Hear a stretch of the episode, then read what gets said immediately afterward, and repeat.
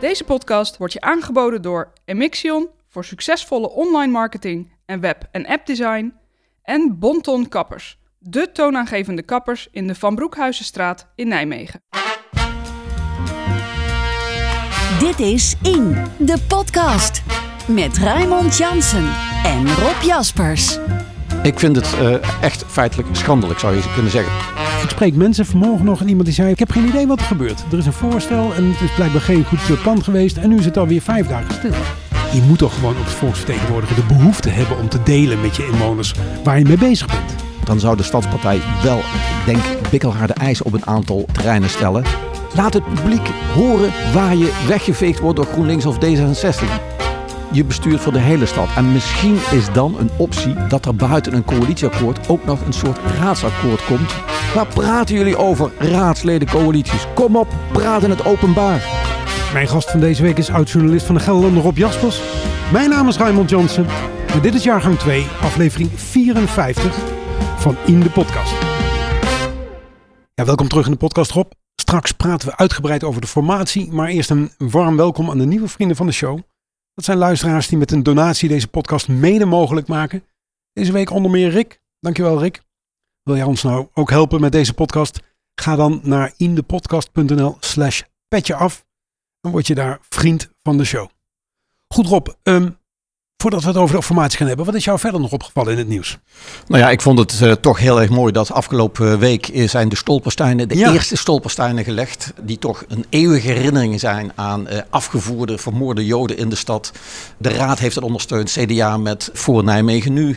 Maar het zijn mensen, vrijwilligers, die zorgen dat het aangelegd wordt. Er is ook voortdurend nog geld nodig. Om, dat is een project van tien jaar om ja. al die 400, 500 vermoorde Joden een plek te geven. En het is toch doordat ze komen te liggen, is het een eeuwige herinnering aan moord in de oorlog. En toch, dus ja, ik noem het nadenkplekken. Ja, ik geloof dat er een, eh, een, lelijk Nederlands woord voor is. Dat zijn struikelstenen. Hè? Het is vooral dat het de aandacht vraagt. Ja, ze, ze, ze zijn goud gekleurd, dus ze, ze, ze, schitteren in de zon. Maar ja. het zijn echt plekken, uh, uh, ja, het dwingt je, als je er langs loopt, hé, hey, wat is dat? Stil te staan toch bij. En er staat de naam op, de datum, de leeftijd, de, ja. dus uh, van de moord. Ze werden onthuld zondagochtend, best op tijd voor, uh, voor in het weekend. En er was een heleboel belangstelling voor, dus dat is ook mooi. Uh, er was een hele hoop belangstelling voor, ja, dat is heel mooi. Ja. ja. En ondertussen werden 180.000 Nijmegenaar geboren. Burgemeester Bruls zei tijdens het afscheid van de oude raad dat hij elke ochtend goed oplette Voordat hij, zoals hij het zei, uh, plotseling een baby in zijn handen geduwd zou krijgen. Ja, hij is er. Ja, dat, ja, weet, dat ik weet ik eigenlijk ook niet meer. Uh, er is een baby. Het is een X, hè? zullen we maar zeggen. Je weet maar nooit. Nee. Ja, uh, 180.000 inwoners. Ja, ja wie had precies. het ooit gedacht als je even terugbladert, ver terugbladert hoor, in de 19e eeuw. Nijmegen opgesloten binnen de stadsmuren, 10.000 inwoners. En dan als die stadsmuren weg mogen, hè, we staan hier aan de, de Singel. Ja, toen, toen begon die uitbreiding van de stad, ging Nijmegen in, in 1900 had Nijmegen 44.000 inwoners. In 1943 midden in de oorlog, werd de honderdduizendste inwoner geboren. Ja. En in 1960 de 130.000ste inwoners. En toen dacht okay. Nijmegen, hey, we groeien ook door. Ik ken nog uh, demografische studies van de stad Nijmegen. We gaan naar 230.000 inwoners. Hè, want we hadden kinderen, zes, zeven kinderen per gezin soms. Maar in de jaren 60, 70, 70 kwam er toch een dip. Nijmegen zakte van 150 terug naar 142. Ja. Had deels te maken met, er kon die niet gebouwd worden. De omliggende dorpen die groeiden. Depressie natuurlijk, hè? Ja. Ja, en de, de depressie. Maar in de dorpen werd wel gebouwd, dus mensen trokken weg. Maar die dip is Nijmegen toch wel uitgekomen. De Waalsprong natuurlijk, ja. erbij, dus ja, die gaf een duw. Ja. En ja, nu heb je prognoses. Nijmegen is een van de snelst groeiende steden. En ja, we hebben nu de 180.000 inwoners. Maar in 2040 zou toch die 200.000ste inwoner uh, uh, welkom geheten worden. Ja. En eigenlijk heeft. Nijmegen dat zelfstandig gedaan. In de zin van, we hebben nooit echt gemeenten erbij getrokken. Nee. Wel stukjes van Lent natuurlijk. Overigens, je hebt over de echte Nijmegenaren toen Nijmegen die, die groeispurt maakte naar het ontmantelen van de stadsmuren. Toen kwamen vooral mensen uit het land van Maas en Waal hoor. Die kwamen ja, ja, deze kanten op. Zeker. Dus die, die, die hebben toch ook deze stad een duw gegeven. Laten we niet vooruitlopen, maar de, de kans bestaat natuurlijk dat er ergens de aankomende tien jaar nog wel een gemeentelijke herindeling zal plaatsvinden. En misschien dat er dan nog een stukje bij gesnoept worden van omringende gemeentes. Maar goed, dat... Ja, bij Nijmegen heeft het altijd moeilijk gelegen. Want Nijmegen was een linkse stad. En het dorp hebben een andere kiezersuitslag. Je weet nooit, nooit hoe het straks gaat lopen hier in Nijmegen. Maar het, het, herindeling was in Nijmegen altijd een lastige met het dorp. Nog heel even kort. Er was een opmerkelijk ongeval op de Willemsweg vorige week. Um, daar vond jij ook iets van? Ja, omdat uh, namelijk bewoners hebben daar uh, vaker geklaagd over. Er wordt te hard gereden. Ze vinden dat de maat de weg uitnodigt om Koos P. Een man die, die alles van verkeer weet. Hè, officier justitie geweest, ja. dacht ik ook. Juist. En die zegt van god, het is inderdaad niet veilig. En dan komt toch weer de gemeente langs die zegt van nou, uit metingen blijkt, er wordt niet ja. zo hard gereden. Nou, A, wanneer zijn die metingen? Uh, hoe vaak worden die gedaan? En als je metingen gedaan worden, misschien weten mensen wel dat er metingen ja. gedaan worden. En denk ik, waarom luister je niet naar de buurt? En dan is voor mij één zo'n voorbeeld waar eigenlijk de gemeente ook zat te slapen. Dat nu gecorrigeerd is door de raad. Namelijk dat buurtinitiatief, hè, burgerinitiatief ja. in de raad. Waar mensen roepen de molenweg, de oude Hezelaan, tot, van, vanaf het station tot het Danielsplein. Yes. Dat is een gevaarlijke plek. En die mensen hebben aangedrongen op een eigen initiatief genomen. De raad heeft dat overgenomen. Dus dat is zo'n voorbeeld waarin de bewoners die zet geven. En ik heb ergens getwitterd, geloof ik. Ik zei: ambtenaren, ga elke dag vijf keer kijken op de Willemsweg. Gebruik je ogen. Bedenk, je kunt wel de goede borden hebben staan. Maar kijk hoe mensen gebruik maken van het verkeer. Bewoners zien dat elke dag. Dus luister daarna. Ja. En het heeft dus zin om ook daar werk van te maken. Het heeft zin om daar werk te maken. Precies. En het gekke is, ik ken een oud ambtenaar als ik vroeger wel eens een krant schreef van god, de situatie is onveilig. Die ging dan met zijn scootertje gewoon uren staan kijken om buiten alle maatregelen die genomen had, toch de live situatie te zien. Daar komt dat beeld van die uh, luie ambtenaar vandaan. Die ging gewoon staan kijken. Nou, dit was een zeer actieve ambtenaar hoor. Die deed het ook nog in zijn eigen tijd. Dit is In, de podcast. Vorige week sprak ik in deze podcast met Helene de Boer, de informateur die namens GroenLinks was aangesteld om advies te maken voor een nieuwe coalitie. Zij stelde toen voor om GroenLinks, de Stadspartij Nijmegen, D66 en de Partij van de Arbeid aan tafel te zetten om door te praten over een inhoudelijk akkoord. Um, vrijdag werd bekend dat die poging vergeefs was. Onderhandelingen zijn gestaakt. Om te beginnen, Rob, ik zat me gisteravond te realiseren. Ik zie om me heen uh, een heleboel duidingsdebatten worden gevoerd. Hè, dat de gemeenteraad met elkaar in gesprek gaat om eens hè, met elkaar te delen van wat vinden we nu eigenlijk van die uitslag. Um, dat gebeurde in Nijmegen eigenlijk helemaal niet, hè? Nee, dat uh, is in Nijmegen een onbekend verschijnsel. Ik zou dat overigens wel best op prijs gesteld hebben. Ja. Want ik vind namelijk dat je in de openbaarheid moet laten weten wat er gebeurt. Ja. Dus kijk, we, we, krijgen nu berichten achteraf. Wij praten, jij praat. Ja. In de krant krijg je berichten, uh, de lokale omroep. Maar dat is altijd praat achteraf. Ik wil gewoon live horen. Waar heb je het over? Waar, waar botst het? Want voor de verkiezingen overstelpen ze ons met papier nou. en opvattingen. En na de verkiezingen wordt het stil. Ik, en ik snap je moet voor details soms in een achterkamertje praten. Tuurlijk. Je moet kunnen schuiven. Maar praat hardop in de openbaarheid over wat wil je. Het is een opzettelijke keuze geweest. Want de eerste vraag van de informateur aan alle partijen, en ik neem aan dat dat fractievoorzitters waren, was telkens: hoe duid jij de uitslag uh, van deze verkiezingen? Met andere woorden, ze, deze mevrouw was blijkbaar wel geïnteresseerd in de mening, maar er is geen initiatief geweest om daar een debat over te voeren. En ik spreek mensen vanmorgen nog en iemand die zei van ik heb geen idee wat er gebeurt. Er is een voorstel en, en dat is blijkbaar geen goed eh, plan geweest en nu is het alweer vijf dagen stil. Ik vind het uh, echt feitelijk schandelijk, zou je kunnen zeggen. Want als je naar me kijkt, voor de verkiezingen, je wordt oversteld ja. met boodschappen van mensen. Achteraf kun je zeggen van god, dit is maar één richtingsverkeer. Politiek de stad besturen is samen besturen. Ja. En ik vind dat je ook dan aan de bewoners moet laten horen: hé, hey, waar sta je? Precies. Je bent geen reclamebedrijf dat een boodschap naar buiten stuurt. Nee, je bestuurt samen de stad. Dus eigenlijk vind ik het een dikke onvoldoende voor de politici dat niet in de openbaarheid gesproken wordt: hé, hey, waar staan we? Want na afgelopen vrijdag, toen de onderhandeling klapte, ja, toen werd het stil. Nou, dan gaan wij natuurlijk bellen en appen met mensen en dan vragen we dingen. En dan hoor je of heel weinig of helemaal niets. Um, met andere woorden, ja, men wil er niets over kwijt. Ik hoor wel wat dingen, maar daar hebben we dadelijk uitgebreid over. Maar het moet toch gewoon, je moet toch gewoon ook als volksvertegenwoordiger de behoefte hebben om te delen met je inwoners waar je mee bezig bent. Je moet die behoefte hebben. Ik vind het zelfs bijna een soort plicht. Uh, het ligt niet vastgelegd in de wet, dus het hoeft niet. Maar ik neem niemand serieus meer. Uh, ik stel zelfs vragen. Voor de verkiezingen kreeg je op alles tien keer een antwoord. Ja. Maar dat was wel mooi in de PR. Ja. Jongens, een stadbestuur is geen PR. Een stadbestuur is mensen in de stad vooruit helpen. Je moet laten weten waar sta je. Vertel dat. Ja. Vorige woensdag nam ik het gesprek op met de informateur. Die maandag daarvoor was er een korte persconferentie waarin uh, het voorstel van deze informateur werd gepresenteerd. Quirijn Lokkers was daarbij aanwezig namens de grootste partij GroenLinks en deze mevrouw Helene de Boer dus. Luister dat interview nog even terug als je dat nog niet hebt gehoord. Wat vond jij eigenlijk van dat advies?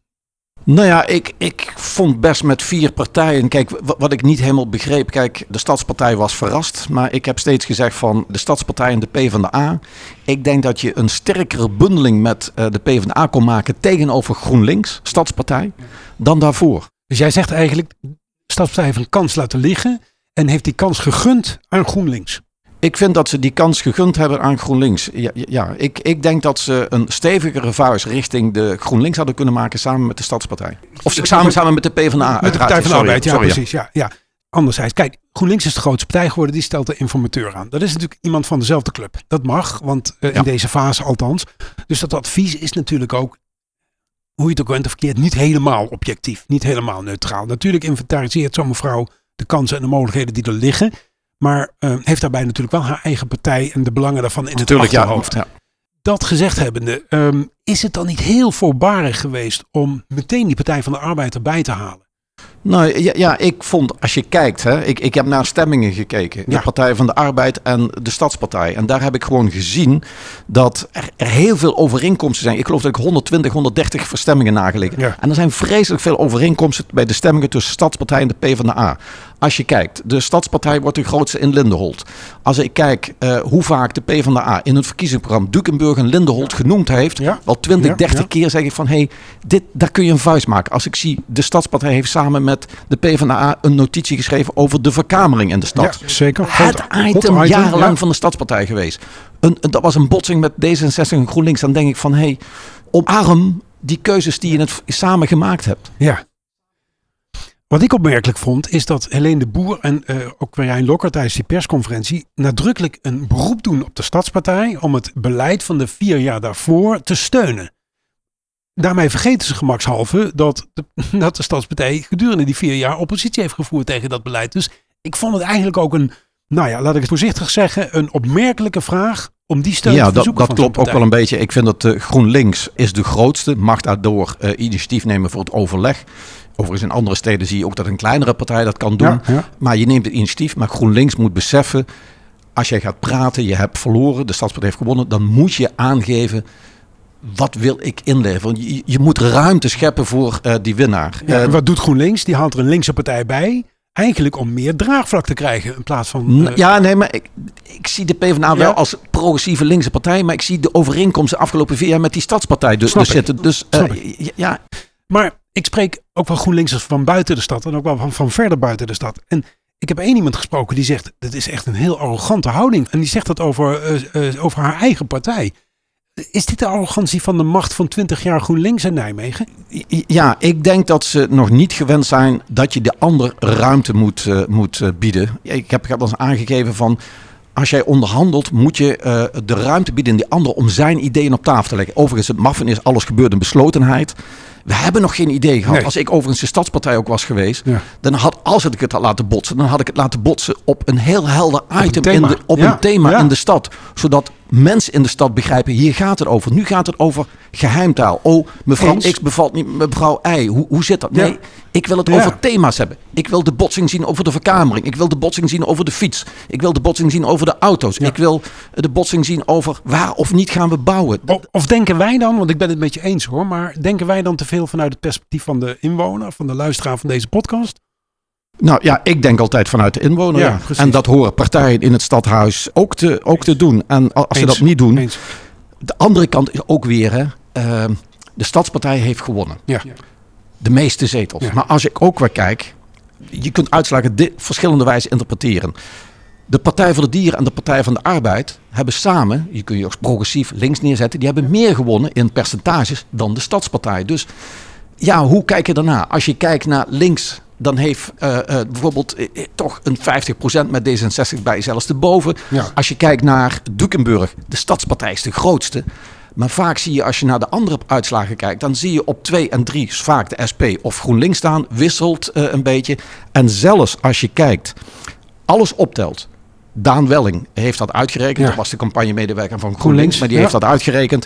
Die zei in Dukenburg en Hater de Neerbos Oost was GroenLinks, de SP, de PvdA en de Partij voor de Dieren groter dan een formatie aan de rechterzijde. Ja. Dus, dus ja, winst in Dukenburg en zeggen van mensen willen verandering. je kunt uitslagen op meerdere manieren interpreteren. Dus uh, ook dat moet de Stadspartij weer zien. En, uh, Aan de andere kant, ik zit even te denken over dat rekensommetje dat je maakt met de Partij voor de Dieren en de Partij van de Arbeid. Uh, dat is meer winst dan de Stadspartij, maar links levert natuurlijk ook in met het verlies van de SP. Hè? Ja, ja, nee, maar dan opgeteld komen ze toch, oh, toch hoger uit. Dus, dus ja, ja, Het, nog heel even kort, Lusanne Bouwmans, de fractievoorzitter van D66 en de onderhandelaar ook, die zei in de Gelderlander dat ze het gevoel had dat ze met z'n drieën gingen buitenspelen. Maar um, dat maar één iemand zijn vriendje mocht meenemen. En dat was GroenLinks dus, die de Partij van de Arbeid mocht meenemen.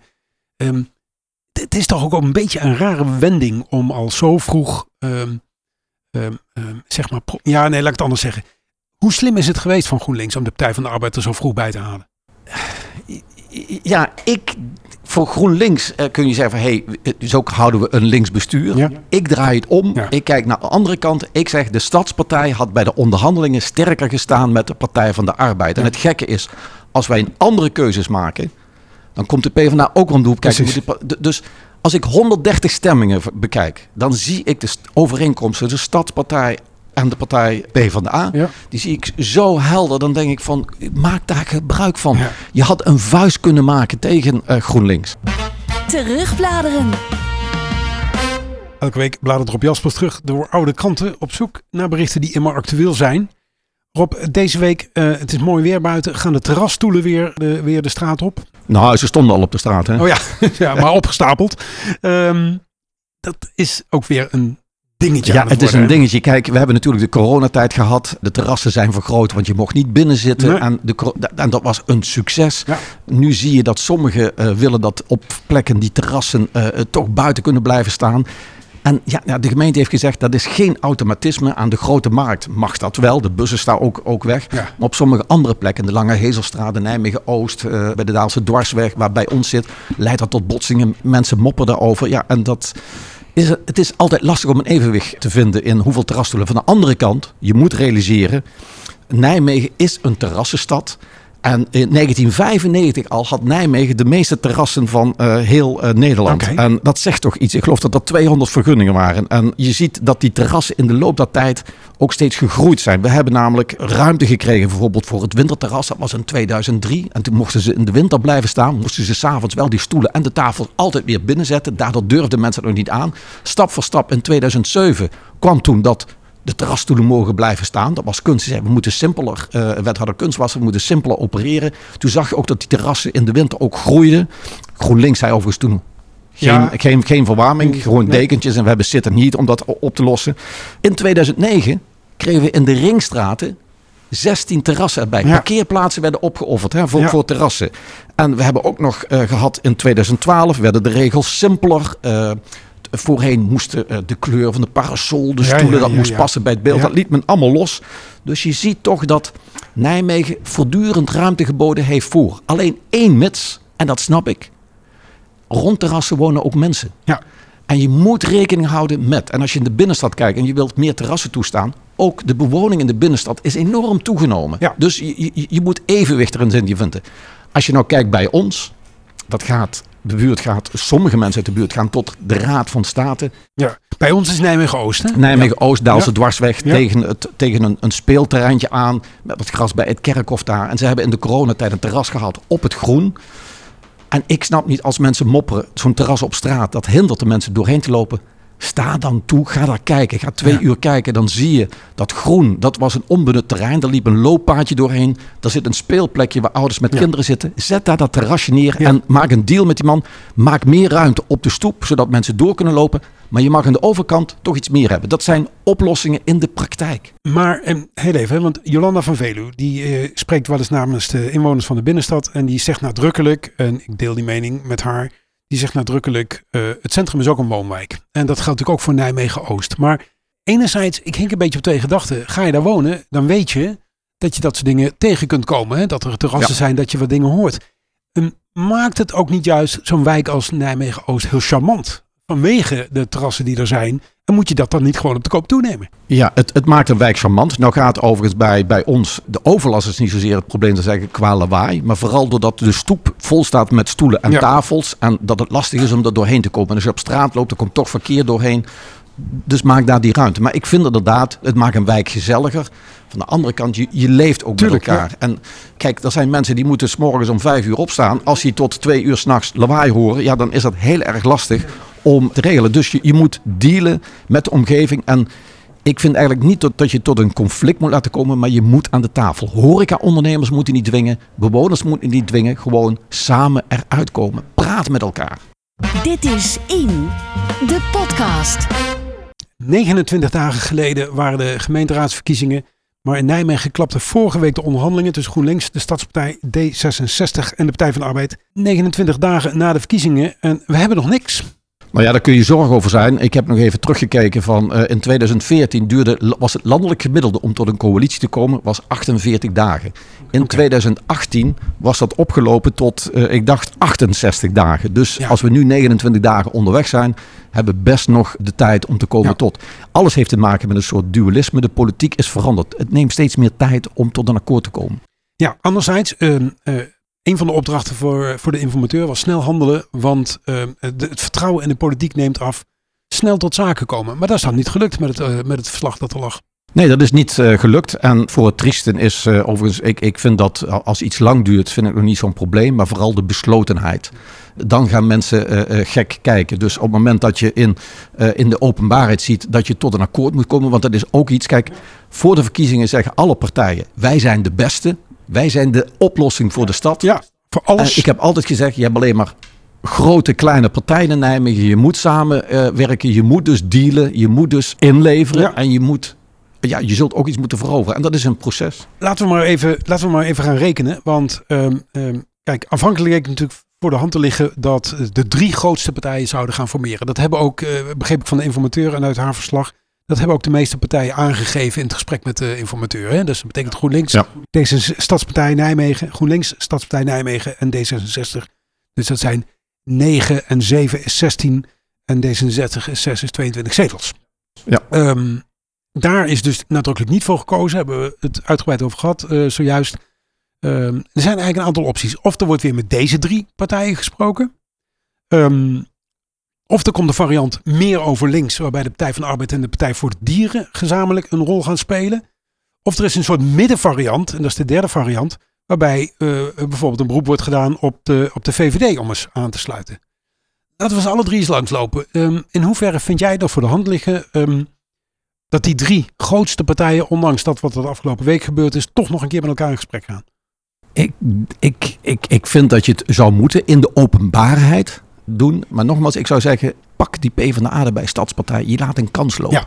Oké, okay. dus jij zegt die eerst die drie grootste, dat zie je niet snel meer gebeuren nu? Dat zie ik niet meer snel gebeuren, nee. nee, nee ik denk dat dat... Uh... Of, en, en dan zou het namelijk, want dan zou de Stadspartij wel, ik denk, bikkelharde eis op een aantal terreinen stellen. Ja. En, en terecht. En terecht, ja, want ze hebben uh, gewonnen. En ja, dat vind ik ook het gekke in het hele debat. Ja. Laat die eisen horen. Ja. Precies. Laat het publiek horen Juist. waar je weggeveegd wordt door GroenLinks of Juist. D66. Ja. Want dan bereik je mensen. Ja. Nou, dan kijken we naar de tweede variant. Partij van de Arbeid, Partij voor de Dieren. Nou, van de Partij van de Arbeid weten we um, dat die wel willen. Die hebben ook een, een, een stevige wethouderskandidaat daarvoor uh, op, op de planning ja. staan. Partij voor de Dieren is toch een lastige verhaal. Want die wordt niet door iedereen als een stabiele partij gezien. Die stemmen verdeelt zo nu en dan. En dat vinden partijen toch lastig.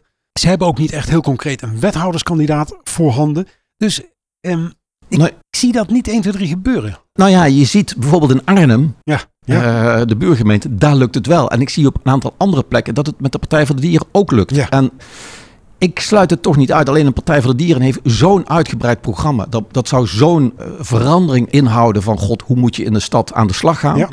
Dat vereist nogal wat. Dus de vraag is, hoeveel wil de Partij voor de Dieren inleveren? Maar ja, bijvoorbeeld in, in Arnhem, GroenLinks en de Partij voor de Dieren zitten ook samen. Dus het zou moeten kunnen. Ja, maar nu weten we van Nijmegen dat Michelle van Doorn niet beschikbaar is als wethouderskandidaat. Partij voor de Dieren is natuurlijk nog niet zo groot dat ze kunnen grossieren uh, in, in bestuurskandidaten, in wethouderskandidaten. Dus wie moet het dan gaan doen? Nou, ik zie altijd wel uh, mensen rondlopen in het land die misschien niet lokaal actief zijn, maar die, die een, een verbinding hebben met de Partij voor Dieren. Ik denk dat dat niet zo'n probleem uh, hoeft te zijn. Ik heb nu niet de namen bij de hand, maar die, die, die mensen vinden ze wel hoor. Dus die optie die hou jij wel open als ik het zo beluister? Die hou ik uh, wel open. Alleen je zegt dan wel ook tegen de kiezer. Wij benoemen Nijmegen nog steeds als een linkse Zeker? stad. Ja. En je zult toch iets moeten openen naar de stadspartij, vind ik. Want ook je bestuurt voor de hele stad. En misschien is dan een optie dat er buiten een coalitieakkoord ook nog een soort raadsakkoord komt. Waarin je misschien toch ruimte biedt dat die andere partijen, de stadspartij, ruimte krijgen om dingen in te voeren. Want ik vind wel dat ook links moet luisteren. Wat heeft de mensen die op de stadspartij uh, die erop gekozen hebben, wat heeft die behaagd? Wat willen die een andere toon in de stad? Ja, ja. Wil je meer weten over het raadsakkoord, dan kun je aflevering 51 terugluisteren met meester Janne van Kalken. Zij weet alles over dat raadsakkoord. Um, zou de Partij van de Arbeid, die toch een beetje weggestuurd is aan de onderhandelingstafel eh, door die drie uh, grote, grootste partijen, um, zouden die nog wel steeds aan willen schuiven in zo'n coalitie? Of zouden die nu ook meer eisen hebben?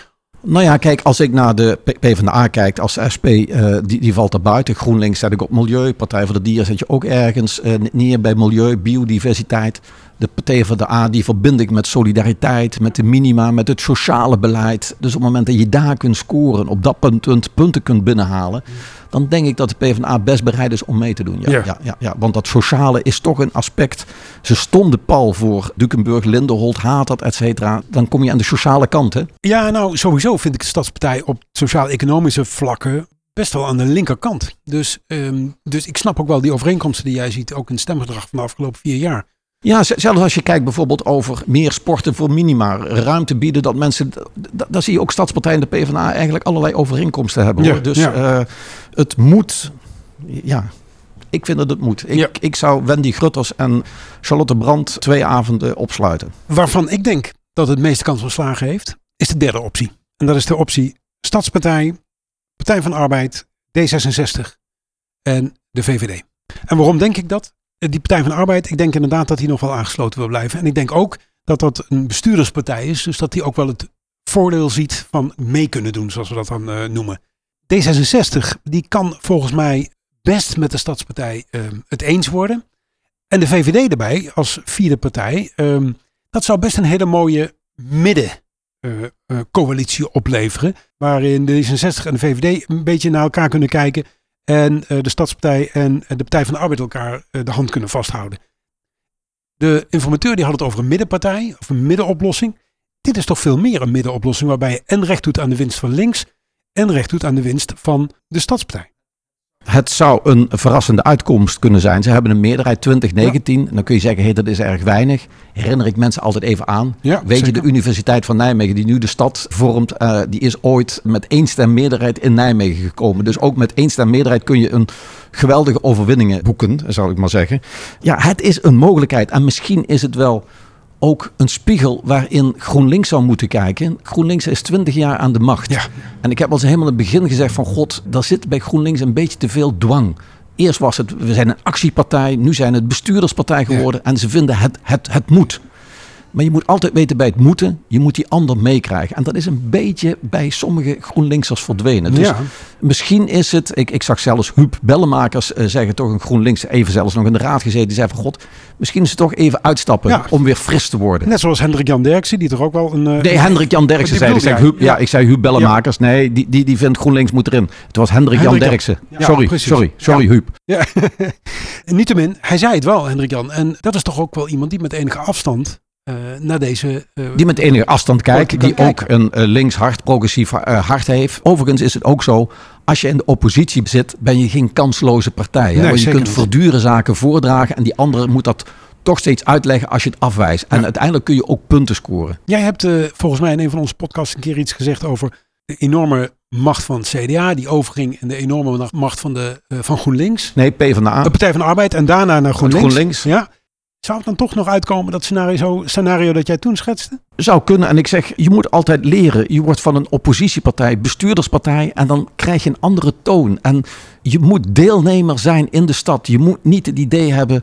Ook al, kijk, je hebt geen, GroenLinks heeft geen 15 zetels. Ze hebben er 9. Je bent dus grootste van de kleine. Dus je moet weten, ik moet met andere partijen punten binnenhalen. Andere partijen die anders denken dan wij. En GroenLinks is dat een beetje kwijt. Daar zat te veel ik heb al eerder gezegd, te veel dwang. Ja, ik moest terugdenken aan de allereerste podcast die wij opnamen. Daar stond als kop boven: GroenLinks moet zich realiseren dat ze ook anderen nodig hebben. Dat was een uitspraak van jou toen.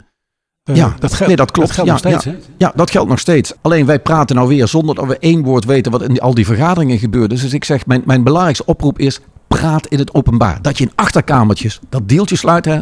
Wendy Grutters met Charlotte Brandt sluit je twee dagen op. Hoef ik niet te weten, maar kom met iets naar buiten met standpunten. Ik heb nog geen verhaal gehoord over hoe de stad vooruit moet. Ik heb nog geen verhaal gehoord waar het bouwen tempo moet krijgen. Ik heb nog geen verhaal gehoord hoe we met milieu moeten omgaan. Ik heb nog geen verhaal gehoord hoe we met sociaal moeten omgaan. Waar praten jullie over, raadsleden, coalities? Kom op, praat in het openbaar. Goed. Rest mij u nog te herinneren aan in de podcast de nieuwsbrief. Ontvangt u die nog niet? Schrijf je dan meteen in, want elke vijftiende inschrijving voor die nieuwsbrief mag een gratis t-shirt naar keuze uitkiezen in de I Love Nijmegen webshop. Dus schrijf je in in de podcast.nl slash nieuwsbrief. En dit was dan ook meteen de podcast voor deze week. Redactie en productie van deze aflevering waren handen van Rob Jaspers en van mijzelf. Ik ben Raymond Jansen. Montage en audio nabewerking Thijs Jacobs. Je nou genoten van onze podcast? Schrijf dan eens een recensie. Bijvoorbeeld op Apple Podcast of op de Facebookpagina. Volgende week, ja, dan is er weer een in.